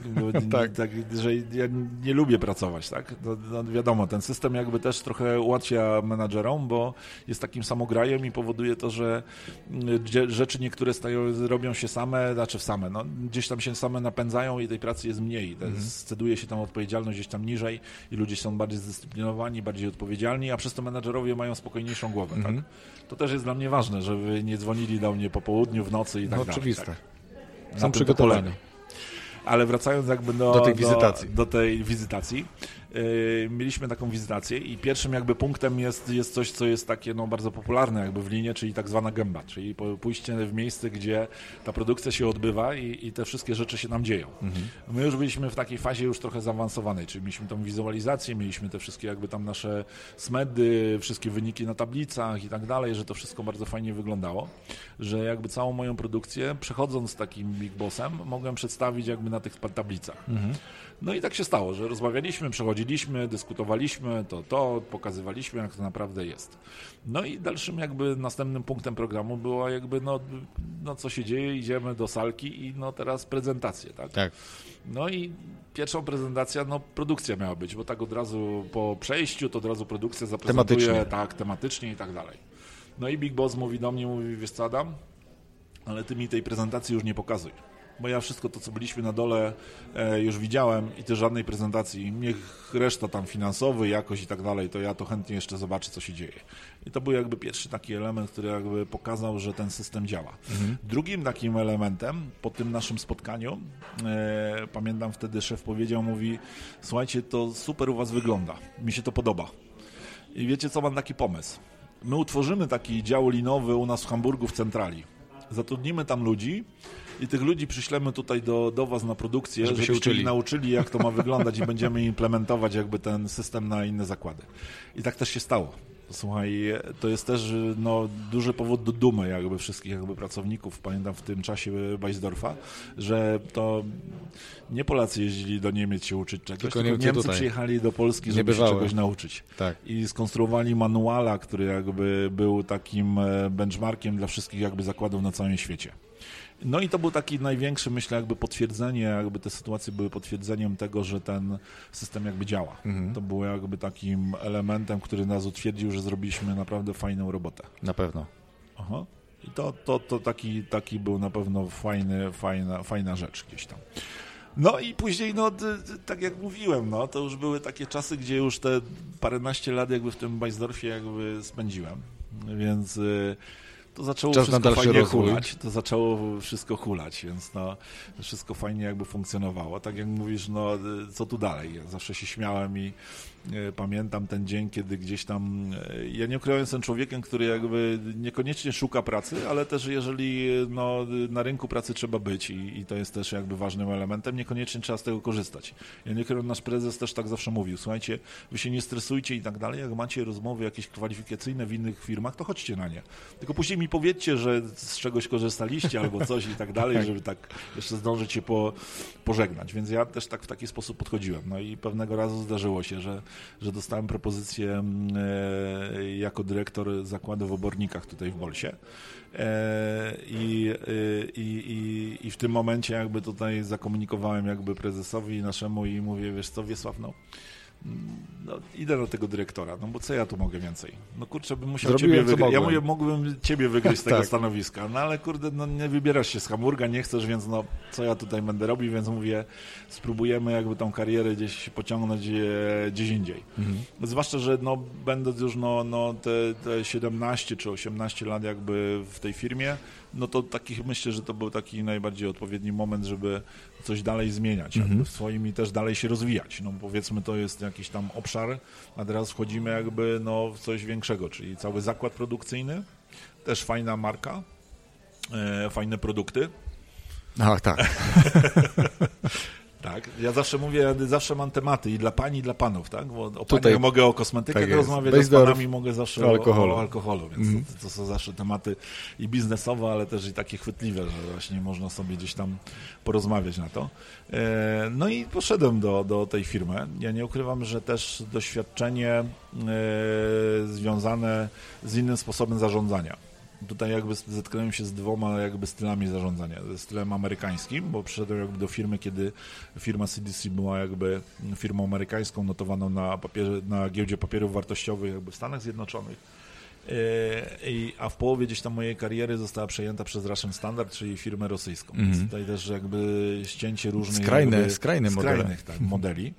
E, Każdy z nich miał jakieś tam swoje plusy i minusy.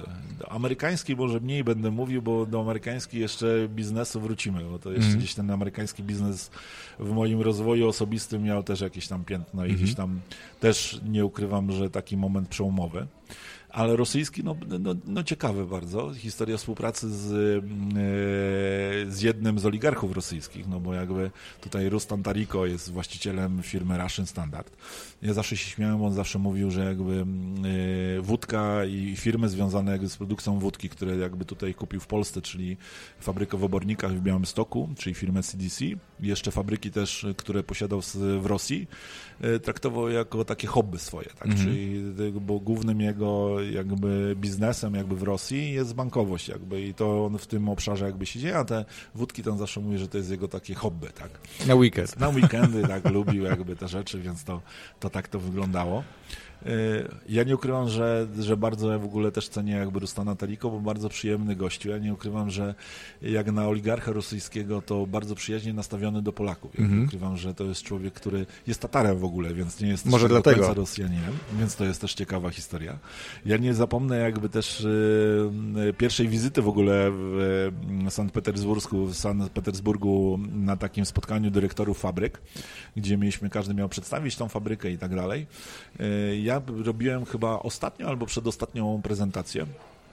I nie zapomnę tego chyba do końca życia. Po mojej prezentacji e, człowiek bardzo jakby też elokwentny, władający w ogóle językiem angielskim, językiem włoskim też, e, więc też człowiek naprawdę wykształcony. A zaczynał od łóżka polowego, tak? Nie ukrywam, bo opowiadał nam historię. Ty zaczynałeś człowiek- od warzyw, Ja od warzyw, a on zaczynał jakby od handlu też czasami alkoholami od łóżka polowego w Moskwie, z tego co, co, co nam opowiadał, więc też jego historia była też bardzo ciekawa. Yy, I wracając jakby do tej mojej prezentacji, ja nie ukrywam, że yy, przede wszystkim kazał mi usiąść jakby naprzeciwko siebie, kiedy prezentowałem, czyli bardzo profesjonalnie jakby Mhm. podchodził do, do całej jakby sytuacji, żebyśmy się widzieli jakby Mhm. tutaj oczy... Kontakt wzrokowy, żeby był. był jakby między nami. No i po skończeniu jakby prezentacji tak się spojrzał na tą salę, na pozostałych jakby tych Rosjan i tak powiedział, widzicie ile od Polaków jeszcze musicie się uczyć. No i to był troszeczkę gwóźdź trochę do trumny. Ja nie ukrywam, że od tego czasu jakby rosyjscy koledzy nie za bardzo wódkę chcieli jakby z nami pić, bo też jeszcze był kolega z Białego Stoku, który też e, był dyrektorem fabryki, więc też e, tutaj takie podejście troszeczkę e, miało, że nas trochę inaczej gdzieś tam postawił. Ja nie ukrywam, drugim takim aspektem bardzo takim, no to chyba z premedytacją robił, było też sposób, jak z nami się witał, tak? Mhm. Z Rosjanami podawał rękę, z nami widał, strzelał takiego rosyjskiego misia. Tak? Niedźwiadka, tak. tak. niedźwiadka, więc to też tutaj byliśmy zupełnie inaczej jakby też traktowani, więc to też było dla nas jakimś tam wyróżnieniem i docenieniem tego, co my robimy tutaj w Polsce. Bo nie Mhm. ukrywam, że też jeżeli chodzi o narzędzia linowe, byliśmy też takimi prekursorami e, w obornikach i też początki gdzieś tam w Białymstoku zaczęły właśnie też tego ciągłego doskonalenia narzędzi linowych gdzieś tam się pojawiać. E, Więc też to był taki też początek jakby wchodzenia jakby tej organizacji w te narzędzia ciągłego doskonalenia, też troszeczkę jakby zmian e, wizerunkowych dla tej firmy, też troszeczkę innego podejścia dla pracowników, więc tutaj też wiele rzeczy się działo. Tu następna bardzo ciekawa historia, związana ze związkami zawodowymi. Ja nie ukrywam, że też jeżeli chodzi o związki zawodowe, temat nie jest mi obcy. Bo też y, ja zawsze mówię, jestem nietypowym jakby menadżerem i też osobą, która zajmowała wysokie stanowiska, ale nie tylko jakby biznesowe, ale byłem też wiceprzewodniczącym związków zawodowych. Będąc szefem. Y, nie. Nie. Wtedy musiałem nie. jakby nie, nie, nie. Ja Okej. byłem w Polenie, jeszcze w Polenie Lechi i gdzieś tam y, Bajsdorfa byłem wiceprzewodniczącym związków y, zawodowych właśnie. Zostałem też jako młody chłopak wybrany i jakieś obdarzono mnie gdzieś tam starzy pracownicy zaufaniem. Więc nie ukrywam, że jakby od, y, te związki zawodowe też gdzieś tam mi zdane. Ja nie ukrywam, że też mam pewne jakby chyba zasługi do tego, żeby też trochę związki zawodowe też y, patrzyły, ja zawsze się śmieję, y, dobre związki nie są złe, bo niektórzy menadżerowie jakby uważają, że to jest też jakiś tam problem, zazwyczaj związek zawodowy i tak dalej. Źle się kojarzy. Źle się kojarzy, ale ja nie ukrywam, że ja byłem zawsze zwolennikiem też, żeby związek rozumiał biznes. I też ja będąc wiceprzewodniczącym związków, też próbowałem jakby w samym zarządzie związków w Bajsdorfie e, uświadomić jakby tych ludzi, którzy tam są, że to jest też biznes i my musimy partnersko podchodzić, czyli nie możemy żądać czegoś, czego nie ma, tak? Więc też udało nam się też to pozmieniać i nie ukrywam, że te związki też i ten relacje między później zarządem Bajsdorfa i tak dalej były bardzo fajne. Ja nie ukrywam też już wchodząc na jakiś tam poziom gdzieś tam menadżerski, no musiałem jakby odpuścić ten temat, ale nie ukrywam, że w mojej karierze jakby te, ta, ta wiedza Dalej związana została. i jakby kontakty ze związkami i tak dalej nie, nie były mi obce. Nie ukrywam, że na taki bardzo podatny nurt, taki grunt pode, po, po, był w Bolsie. Tam były ogromne problemy ogólnie ze związkami zawodowymi. No ale tam y, no, wystarczyło jakby z tymi ludźmi zacząć rozmawiać, tak? I zacząć rozmawiać i tłumaczyć i, i, i też wytłumaczyć mi na czym ten biznes polega i w jaki sposób pewne rzeczy możemy gdzieś tam rozwiązywać i tak dalej. I te stosunki jakby związkowe też się polepszyły. Mam nadzieję. No jeszcze do dzisiaj przewodniczący związków dzwoni do mnie w różnych jakby przy okazji gdzieś tam się przypomnieć, Kontakt pozdrowić i został. tak dalej, więc został. Więc myślę, że nie było jakby źle z tymi tematami. Więc to też jakby ciekawa historia jakby też pracy i rozwoju też takiego mojego rozwoju i spojrzenia z różnych jakby obszarów, czyli jako Mhm.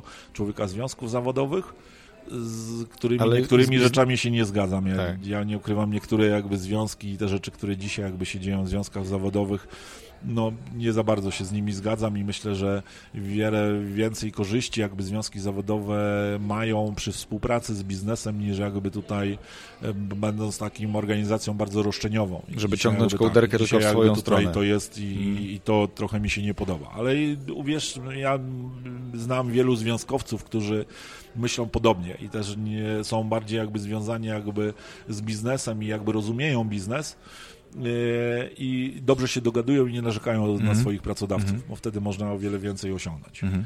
Więc tutaj też takie, świę, takie fajne doświadczenie, jakby też te, te, to moje jakby związkowe i, i nietypowe zazwyczaj. Ja, ja zazwyczaj na rekrutacjach nigdzie nie wspominam o tym, bo, bo to, to niektórzy prezesi gdzieś tam, jak ja swoją karierę Mogą się tego bać. rozwijałem, mogą się bać, że Tak, tak. kurczę, idzie człowiek na menadżera czy dyrektora i kurczę, jeszcze związkowiec, no to kurczę, zaraz strajki będziemy mieli i tak dalej.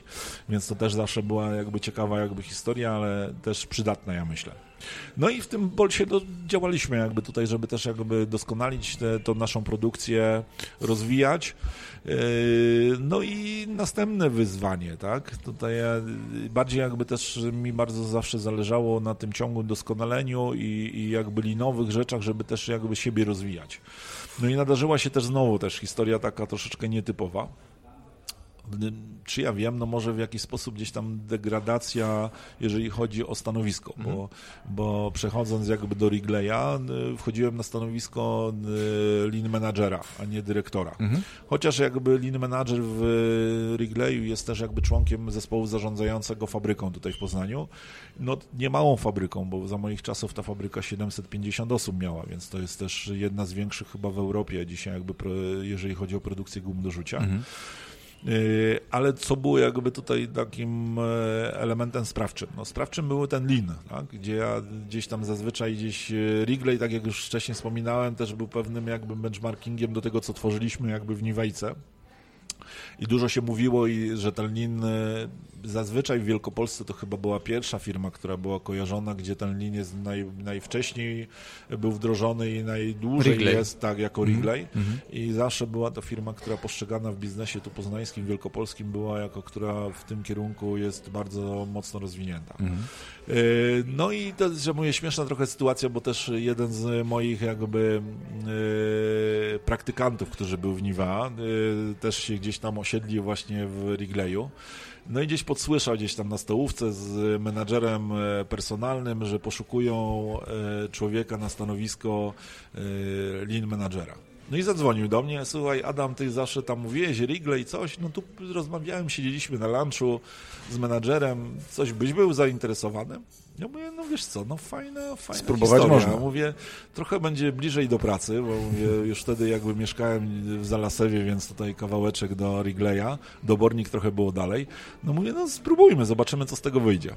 Chyba po dwóch dniach miałem już telefon e, e, od hair managera, mówi, no, słyszałem, że szukasz tego, e, moglibyśmy się spotkać. No i chyba po pięciu dniach się spotkaliśmy, porozmawialiśmy, nietypowa jakby rekrutacja. Powiem szczerze, pierwszy raz w taki sposób jakby byłem rekrutowany, czyli bardzo taki luźny i niezobowiązujący sposób, bez jakiejś sztampy, Bez testów. CV-ek, testów i tak dalej, co powiem szczerze, później dowiedziałem się, że było zupełnie ewenementem, jeżeli chodzi o Wrigleya. No i nie ukrywam po tym spotkaniu, później spotkanie jakby z Januszem, obecnym też dyrektorem jakby fabryki, jeszcze z jakimiś osobami gdzieś tam z personalnego, później pamiętam telekonferencja z George'em Bojewskim, który był szefem jakby na Europę, Eee, Później jeszcze jakieś spotkanie na lotnisku z panią z Herów, więc takie kilka jakby spotkań. I Bardzo dużo tam, tych spotkań. No było chyba z trzy czy cztery Mhm. z różnymi osobami, ale bardzo takiej e, luźnej atmosferze. No i po tym czasie, gdzieś tam, po tym ostatnim chyba e, spotkaniu z, e, z panią właśnie z HR-ów, gdzieś tam z centrali i tak dalej, dostałem informację, że jak najbardziej zapraszają, że widzą mnie w zespole i tak dalej. Mhm. No i tutaj zaczęła się bardzo fajna historia i element, który y, ja myślę bez tego ta kariera gdzieś tam doradcy, czy konsultanta, trenera, nauczyciela i tak dalej może by się nie zadziała. Bo tutaj jakby będąc jakby linowcem, e, Wrigley bardzo mocno kładzie nacisk na szkolenia, czyli na ten rozwój.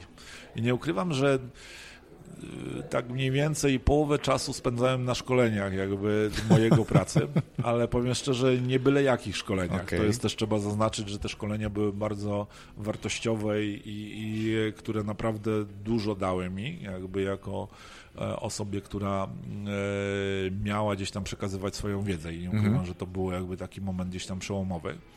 Yy, Też jakby kontakt zupełnie inny i wejście też troszeczkę inne doświadczenie, bo weszłem w system, którego nie tworzyłem. Też nowe doświadczenie, bo jak i w e, Niwejce i w Bolsie, to ja te systemy gdzieś tam e, próbowałem tworzyć gdzieś tam Mhm. zespołem, a tutaj jakby wszedłem jakby w, w zespół, w jakiś tam e, System system który działał. Tak.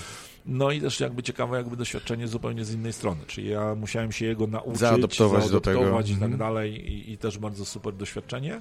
I to co powiedziałem, jakby tutaj to był ten moment y, przełomowy i nie ukrywam, że pod koniec y, mojej działalności w Wrigleyu zacząłem e, prowadzić pierwsze zajęcie na Politechnice Poznańskiej. A, Odważyłem czyli tu się tak, zaczęło. Odważyłem się jakby, żeby No tą wiedzę... Do, do tego chciałem dążyć, zapytać skąd się wziąłeś No później właśnie, w tej szkole, no ale no tak, ta, ta Tak, historia zmierza do wszystko, tego. Tak, wszystko jakby się składa. Czyli uczyłeś się na Polibudzie i nagle zacząłeś tam wykładać. To znaczy, ja, ja nie ukrywam, że miałem zawsze kontakt z Politechniką. O. Czyli korzystałem z ich gdzieś tam usług, współpracy i tak dalej, różne jakby y, historie z tym były.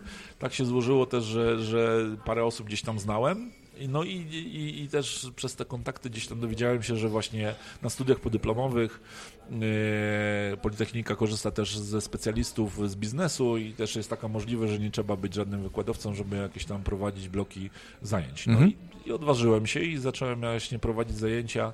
Pamiętam wtedy z trzech elementów, czyli z problem solvingu, z TPM-ów, czyli tych przeglądów i, e, i, i utrzymania ruchu e, i z medów, czyli szybkich przezbrojeń. To były Mhm. takie trzy bloki, które zacząłem jakby prowadzić jakby na Politechnice Poznańskiej i to, to jest taki moment, kiedy zacząłem dwutorowo działać, tak? Mhm. bo zazwyczaj to, to od tego momentu zaczęły się jakby rzeczy związane jakby ze szkoleniami i z wykładami jakby na uczelni, yy, a nie tylko sam biznes. Mhm. Więc tutaj jakby budowanie tej drugiej Nie tylko, nogi, nie tylko praca nogi. na etacie, Tak, ale już właśnie no, coś druga noga, dodatkowe. ja to nazywam, Tak, że druga druga noga. noga, żeby No dobra, jakaś dobra. odskocznia była i tak dalej. Nie ukrywam, że zaczęło mnie to bardzo mocno y, wciągać. Ja nie ukrywam, że y, jakbym miał pomyśleć na początku mojej kariery, że będę prowadził, uczył i, i występował przed kimś i, i, i, będę się z tym dobrze czuł, to bym powiedział, to jest niemożliwe. No ale to miałeś Nagle- taką obawę, że będziesz, y, wiesz, nauczycielem WF-u? Tak. No tak. to nauczyciel WF-u nie, nauczyciel- ale jednak Tak. pewnego rodzaju nauczyciel. Rozwój osobisty dla każdego. Ale też na pewno też te predyspozycje do tego, że, żeby przed kimś coś mówić, y, opowiadać i tak dalej. Ja powiem szczerze, na początku mojej kariery nie, nie, nie widziałbym siebie tak. Okej. Ale jakby przez ten jakby y, przebieg całej kariery pewnych elementów i tak dalej. Konieczność prezentowania to przed szefami, okazało przed się, Nie, ale prezesami. okazało się nagle, że, Aha. że okej, no kurde, fajnie, tak? I sprawia ci to przyjemność, a później jeszcze, kurczę, oni cię też oceniają i, i też są zadowoleni, że, że super. No. Więc to jest też następna jakby taka satysfakcja, że oprócz tego, że ja się z tym dobrze czułem, to też jakby te osoby, które przychodziły na moje zajęcia, też im się to podobało. No Super. I to jest jakby naj, taki element, który mnie przekonał, że no, no kurczę, coś trzeba z tym dalej robić, nie? No i później zaczęła się współpraca z firmami jakimiś też, y, które y, szukają jakby konsultantów prowadzenia szkoleń Mhm. bardziej komercyjnych i tak dalej, więc rozwój tej drugiej nogi gdzieś tam następował.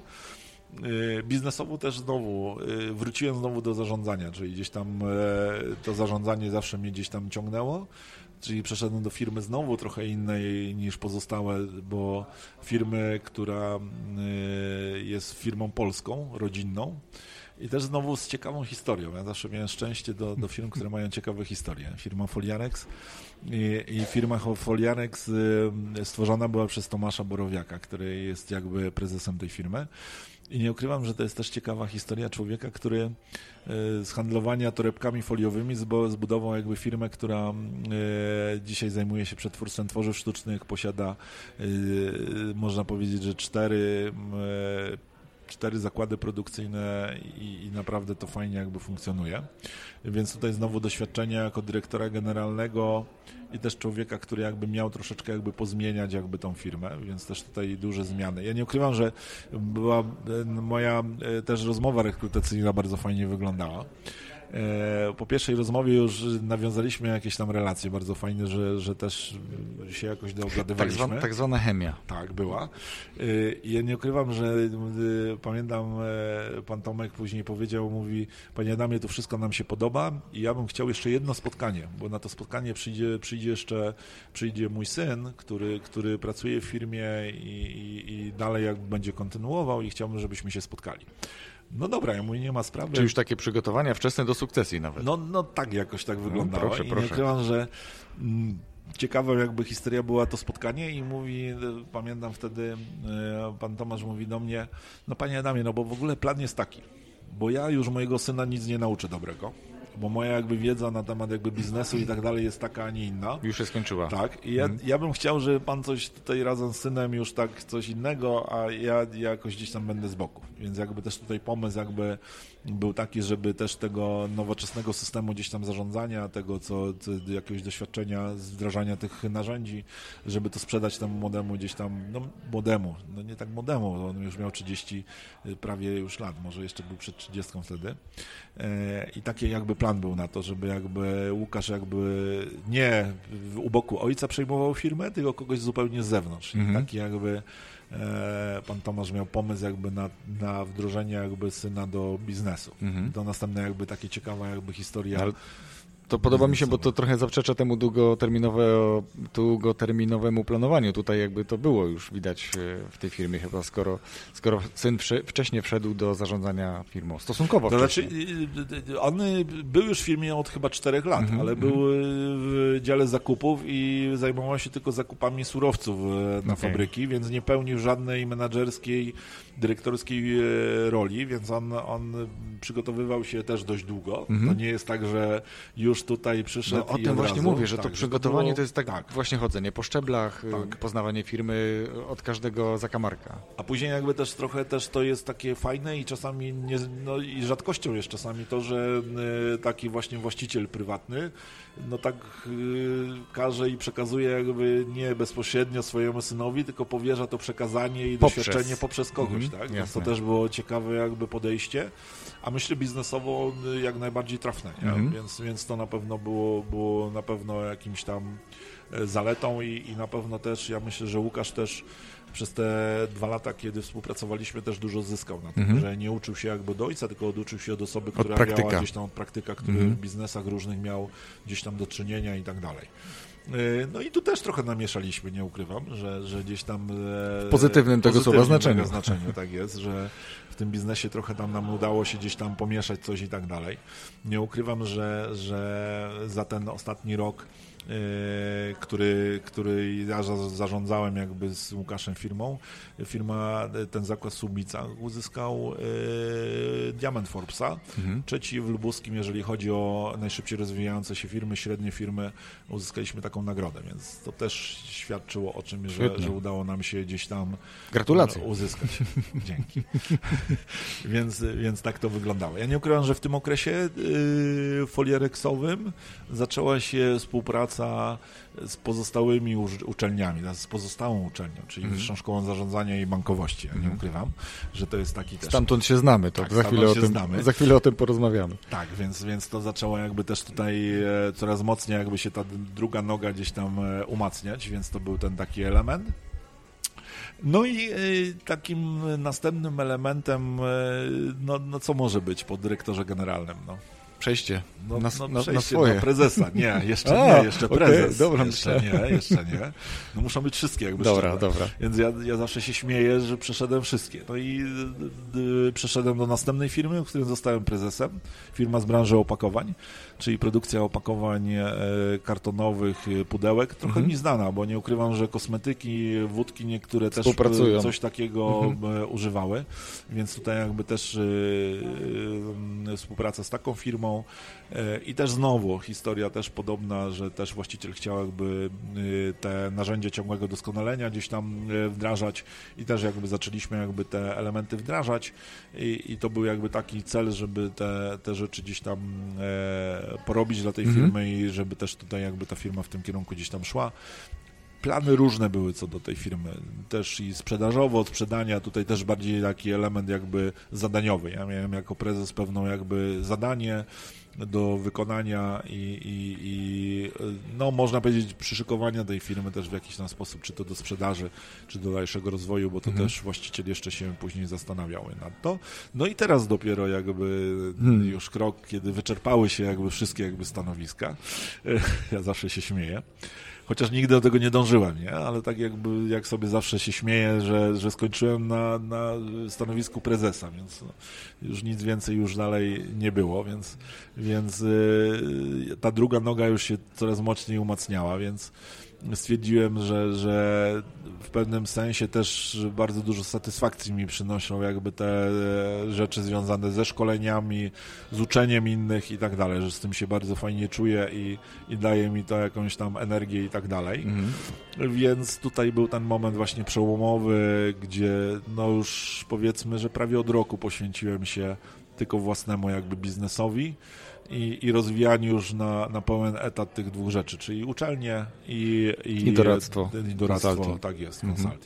A skąd się znalazłeś we Wszibie? Tomasz cię napadł? Nie, to, to znowu jest bardzo ciekawa sytuacja, słuchaj. E, to też jest historia, ja mówię, to wszystko ma swoje jakby znaczenie i jakby wszystko jest jakby różnymi elementami przypadku pewnego rodzaju. Mhm. Ja nie ukrywam, że znowu wiąże się to z moim prezesem z Niwei, o. który właśnie Tomek Czyli dopadł dopadł. Historia zatacza Tak, koło. koło. I Tomek go dopadł. I, i, i, on był pierwszym Mówimy o, Tomku, wykładowcą. mówimy o Tomku Boruckim. Tak jest. I Tomek go dopadł i właśnie Wiesław, prezes jakby e, Bajzeru Manufacturing Poznań był również wykładowcą e, na, na Wyższej Szkole Zarządzania i Bankowości. E, No i pamiętam, nie zapomnę, chyba z żoną gdzieś w piątek byliśmy na kolacji gdzieś i mam telefon. Wyciągam telefon, mówię, Wiesław. Odbieram. On mówi, wiesz co, Adam, kurczę, mam taką sprawę. Ja mówi, no rozchorowałem się i mówi, no fatalnie się czuję i tak dalej, a jutro mam zajęcia ze studentami na Wyższej Szkole Zarządzania Bankowości. I kurczę, Adam, ja będę, ale nie jestem w stanie jakby prowadzić zajęć, bo naprawdę tam mogę tylko tak biernie uczestniczyć. Kiwać głową, Żebyś nie przerzucać był, radę, nie był radę poprowadzić tych zajęć. No, no.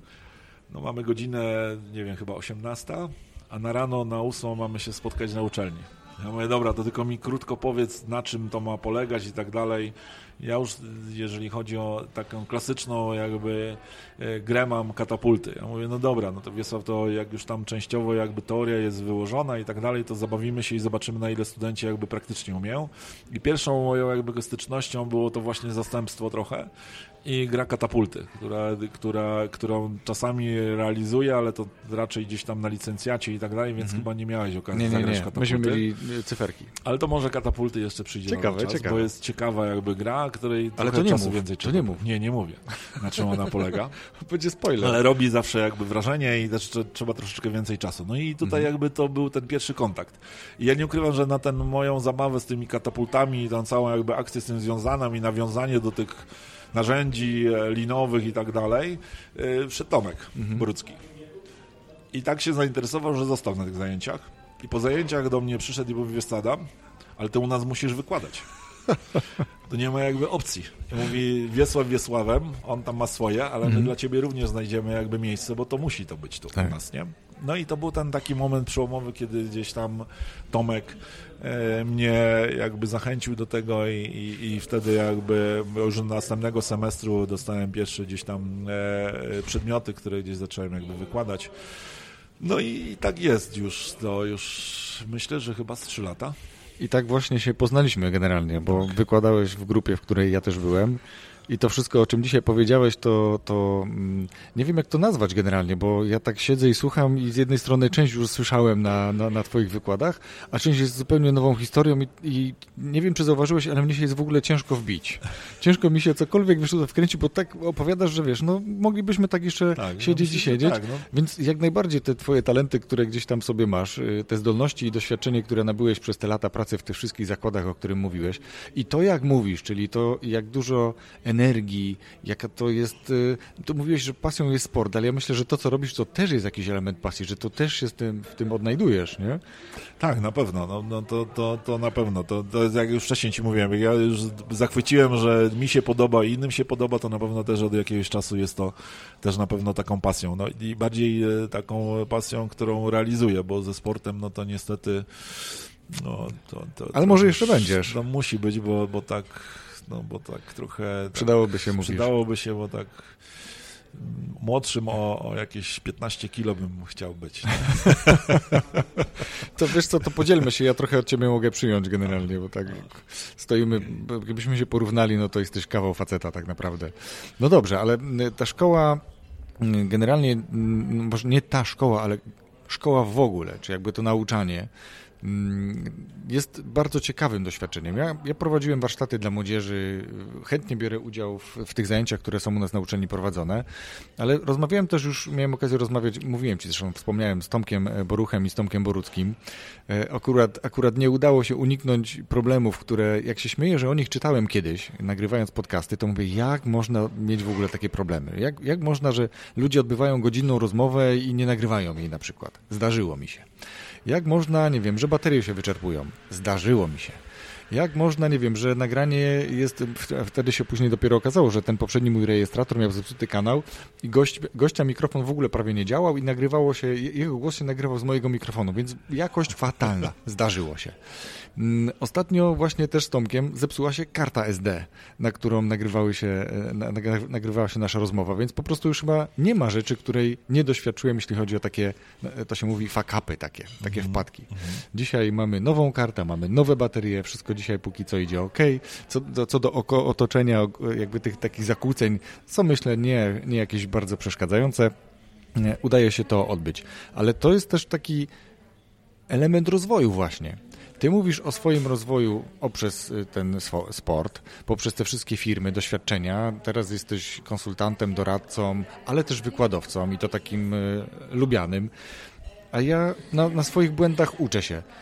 Ty też powiedziałeś o jednym przypadku, kiedy nie uczyliście się na swoich błędach, bo zatrudniliście ludzi z taśmy, zatrudniliście, yy, czy oglądaliście magazyny gdzieś tam zewnątrz, więc to też była taka, e, taki, taki rozwój, który był. Mhm. Więc o tym rozwoju dzisiaj ewidentnie rozmawiamy, ale żeby jakby spuentować to całe twoje doświadczenie i ten twój cały rozwój, jakbyś mógł teraz podsumować albo powiedzieć, czym dla ciebie ten rozwój jest w takich żołnierskich słowach, bo, bo wiesz, jedni to mówią, idę na siłownię popracować nad ciałem i to jest rozwój.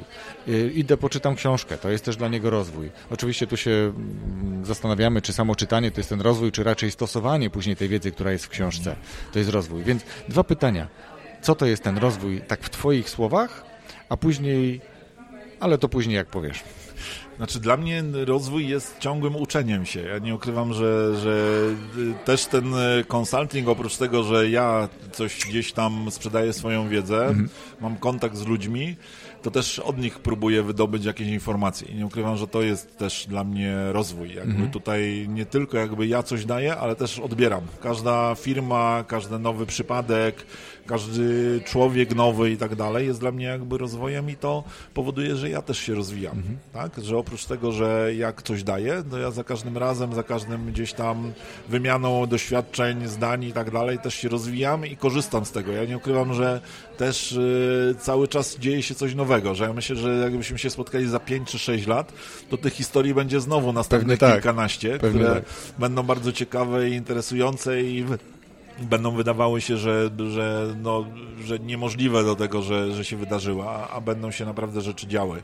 I dla mnie to jest. Rozwojem jest to, że ten świat się zmienia i ja się zmieniam. Mm. Ja mhm. nie ukrywam to też, to powiedziałem, ja, ja byłem zupełnie innym człowiekiem, jakbym miał na siebie spojrzeć na początku mojej kariery biznesowej, a to, gdzie jestem dzisiaj, jestem zupełnie innym człowiekiem, więc mm. to moja zmiana, a na pewno za następnych kilka lat będę jeszcze inny. Okay. Więc jakby nie ograniczanie się i zdobywanie tej wiedzy, rozwijanie się, to jest niezmiennie. No tak, no bo to co mówisz, nawet jeżeli firma wynajmuje ciebie jako konsultanta, mają jakiś obszar do rozwoju, do poprawy, chcą, nie wiem, rozbudować fabrykę, cokolwiek zrobić mm, i mówią o swoich problemach e, żebyś im pomógł rozwiązać te problemy, ale opowiadają o wielu różnych innych rzeczach i czasami jedną rzecz robią słabo, ale 10 innych robią bardzo dobrze i to jest to, czego możesz się od nich właśnie na tak, przykład nauczyć.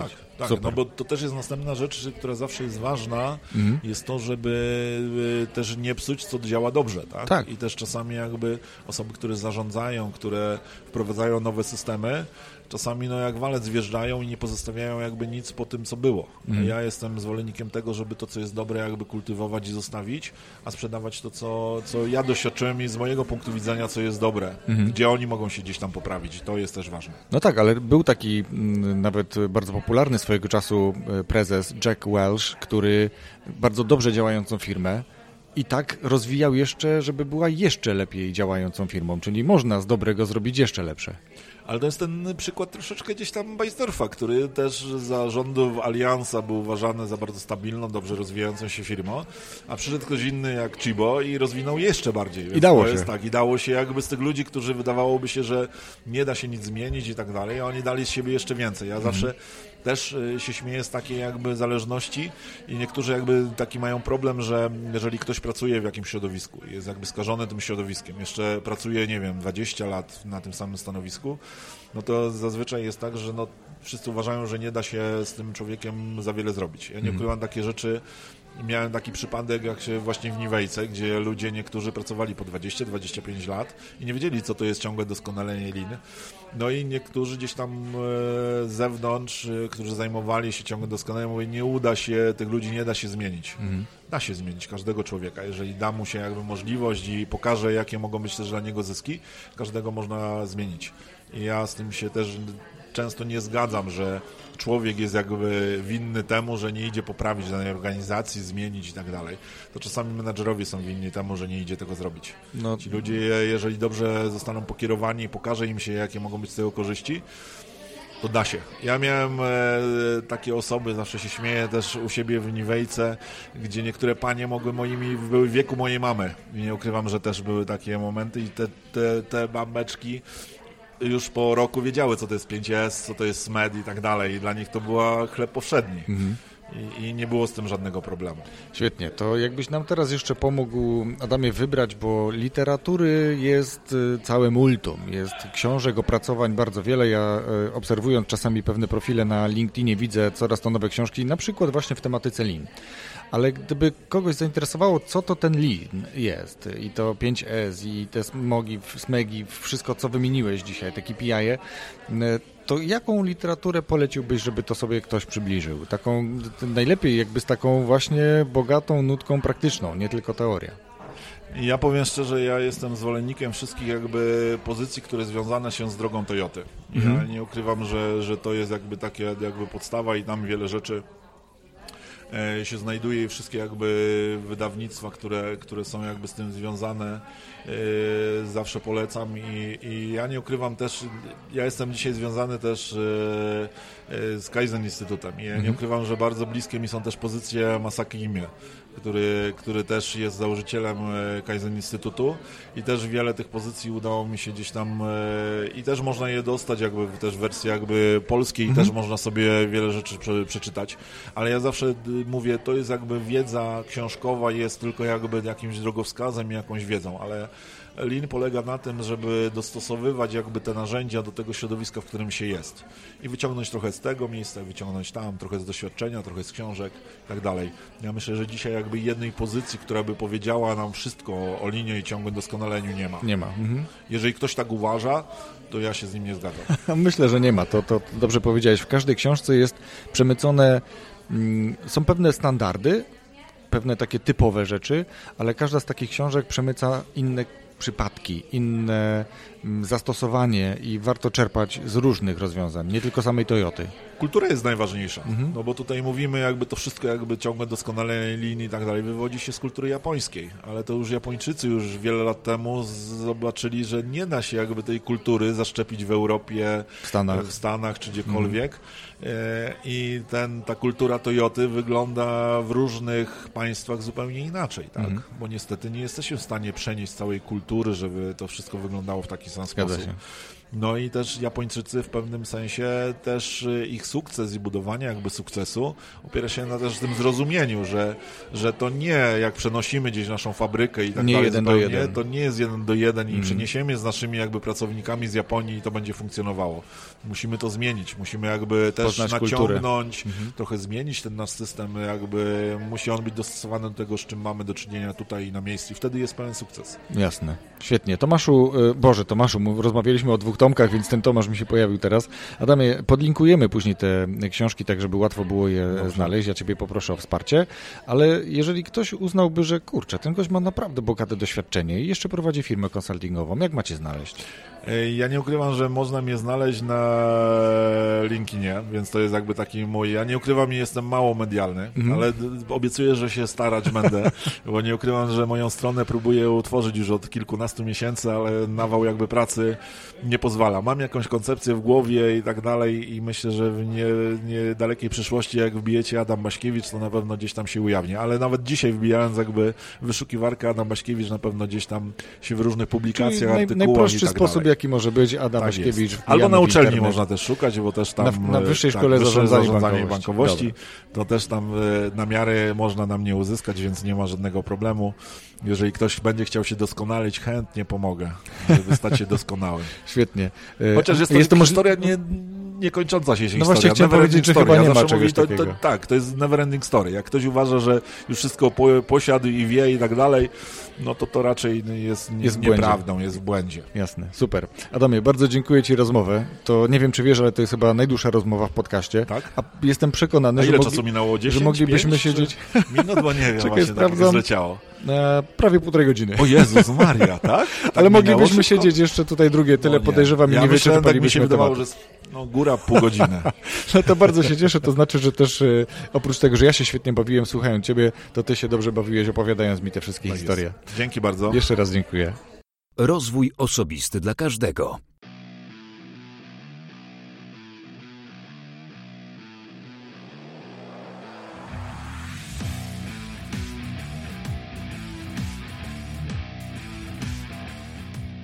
Adam opowiedział nam praktycznie całą swoją historię zawodową, bez mała z detalami. Dziękuję Adamie za to, że podzieliłeś się swoim doświadczeniem. Dziękuję Wam, słuchacze drodzy, za wysłuchanie naszej rozmowy i zapraszam bardzo gorąco do subskrybowania tego podcastu na iTunes, do oceniania go najlepiej pięcioma gwiazdkami oraz do pozostawienia choćby jednozdaniowego komentarza, który pomoże innym słuchaczom dotrzeć do tego podcastu. Jeśli słuchacie tego podcastu na innych aplikacjach takich jak Spotify lub Castbox, to również zapraszam Was do obserwowania tego podcastu, tak żebyście mieli na bieżąco informacje o każdym nowym odcinku. Dzisiaj to już wszystko z mojej strony. Raz jeszcze bardzo gorąco dziękuję za słuchanie tego podcastu i do usłyszenia już za tydzień z nowym odcinkiem, jak co tydzień w piątek. Pozdrawiam serdecznie.